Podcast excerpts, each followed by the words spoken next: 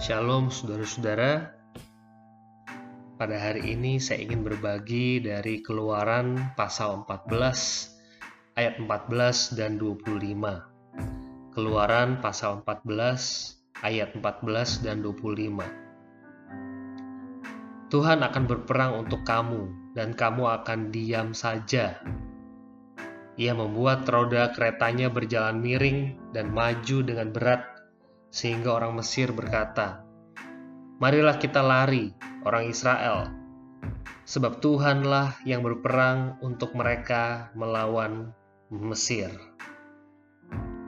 Saudara-saudara, Allah adalah kemenangan kita. Yang membuat kita menang adalah Allah. Kemenangan bukan karena kita, karena kita berperang, karena kita pegang pedang, karena kita bertarung dengan tangan kita sendiri, karena kita peras keringat kita sendiri, karena kita banting tulang. Sama sekali tidak. Pertarungan itu dilakukan oleh Tuhan, dan faktor penentu kemenangan itu adalah Tuhan itu sendiri. Merenungkan hal ini, kita merasa, "Wah, enak ya! Kemenangan itu dari Tuhan, kita seolah-olah do nothing.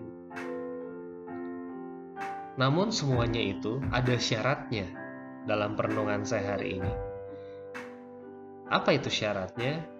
Kita harus taat berjalan di jalurnya Tuhan. Kita harus taat berjalan di jalurnya Tuhan.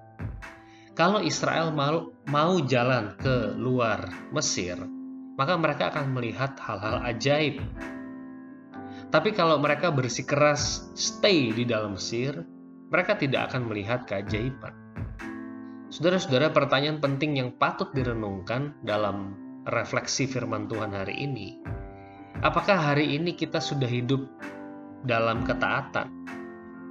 Coba lihat sebentar hidup kita. Saudara-saudara, saat ini saya sedang sedih memikirkan dua orang anak Tuhan yang satu meninggal, yang satu kondisinya kritis. Yang meninggal adalah Captain Joyce Lin, seorang Taiwan yang studi di Amerika Serikat. Joyce Lin adalah seorang kapten pesawat MAF Mission Aviation Fellowship yang melayani pedalaman Papua. Waktu dia hidup, dia mengatakan jika saya mati, maka biarlah saya mati dalam mengerjakan misi Allah. Saya jadi ingat kalimat dari Pak Tong, saya pengen mati di atas mimbar, kata Pak Tong. Jika saya mati, biarlah saya mati dalam mengerjakan pekerjaan Allah. Bagaimana tanggapan saudara terhadap kalimat-kalimat semacam ini? Apakah saudara bodoh amat Pokoknya saya melakukan apa yang saya mau. Kalau seperti itu, bagi Joycelyn, kematian seperti itu tidak terhormat. Kematian yang terhormat adalah saudara mati ketika mengerjakan misi Allah. Saudara-saudara Raffi Zakarias saat ini dalam kondisi yang semakin rapuh dan mendekati ajalnya dia berpesan kepada Michael Ramson, Presiden RZIM yang baru. Pesannya adalah untuk setia dalam Injil Yesus Kristus dan memberitakannya. Hal ini dikatakannya dengan suara yang berbisik. Dia tidak lagi mampu bersuara dengan lantang. Mendengar cerita Michael Ramson, hati saya hancur.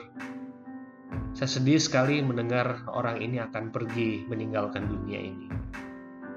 Saya tidak mengenal Raffi secara pribadi, tapi khotbah-khotbahnya menyentuh hati dan pikiran saya. Iman yang ada di hati kita juga harus iman yang diterima oleh akal kita. Itu kalimat Raffi Zakarias. Saudara-saudara, mereka sudah hidup di jalurnya masing-masing. Raffi Zakarias sebagai Christian apologist, seorang filsuf sekaligus pendeta yang membicarakan kekristenan secara filosofis. Yang satu mati sebagai pilot. Saya ajak kita bersama untuk merenung, apakah kita hidup di jalurnya? Ingat cerita hari ini, Keluaran 14. Kalau kita hidup di jalurnya, Allah itu kemenangan kita.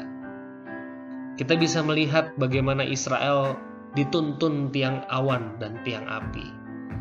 Kita bisa melihat bagaimana Israel jalan di tengah daratan yang dindingnya kiri kanannya lautan. Ajaib bukan? Dan kita tahu cerita-cerita Israel kelak mereka akan diberi makan mana dari sorga, dari langit yang diturunkan. Mereka akan melihat batu yang bisa ngeluarin air. Mereka akan merasakan air yang tadinya pahit diubah Musa oleh mujizat menjadi manis dan seterusnya berbagai keajaiban. Di luar Tuhan kita tidak akan melihat apa-apa di luar jalur Tuhan, kita tidak akan melihat apa-apa. Mari kita pikirkan, saudara-saudara, apakah jalur kita, track kita sudah benar. Semoga kita melihat keajaiban. Tuhan memberkati.